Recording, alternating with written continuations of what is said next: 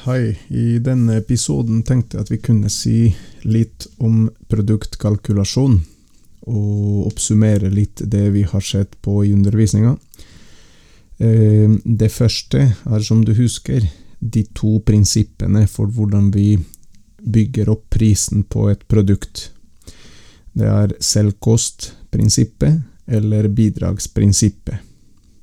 Forskjellen mellom disse to kan oppsummeres eh, ved å si at selvkost bruker eh, alle kostnader for å bygge opp prisen du må ha for å dekke nettopp alle kostnader.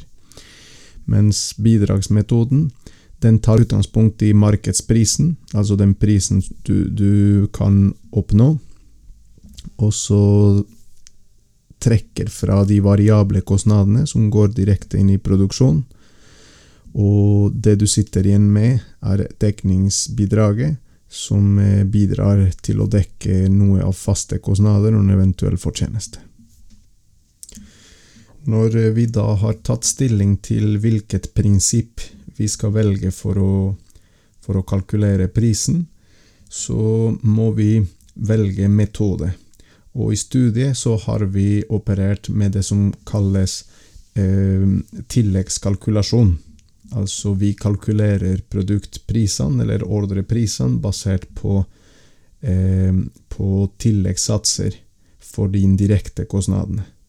Sånn som eh, fast lønn til administrasjon, eller eh, eh andre kostnader som vi vet på løper fast, eh, og som ikke har noe direkte med produksjon av den enkelte ordre eller produkt tilleggssatsene eh, lager vi på bakgrunn av eh, normalkostnader, som det heter, i en normal periode.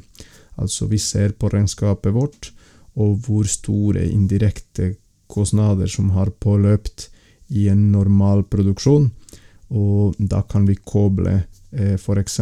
sosiale kostnader. Kan vi beregne tilleggssats eh, for eh, i forhold til lønn. Vi vet altså at eh, sosiale kostnader varierer sammen med lønna etter en viss prosent.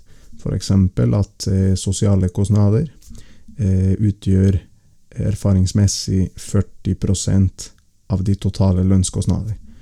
Da kan vi legge til i en produktkalkyle 40% sosiale kostnader til direkte lønn. Og det er et eksempel på en tilleggssats.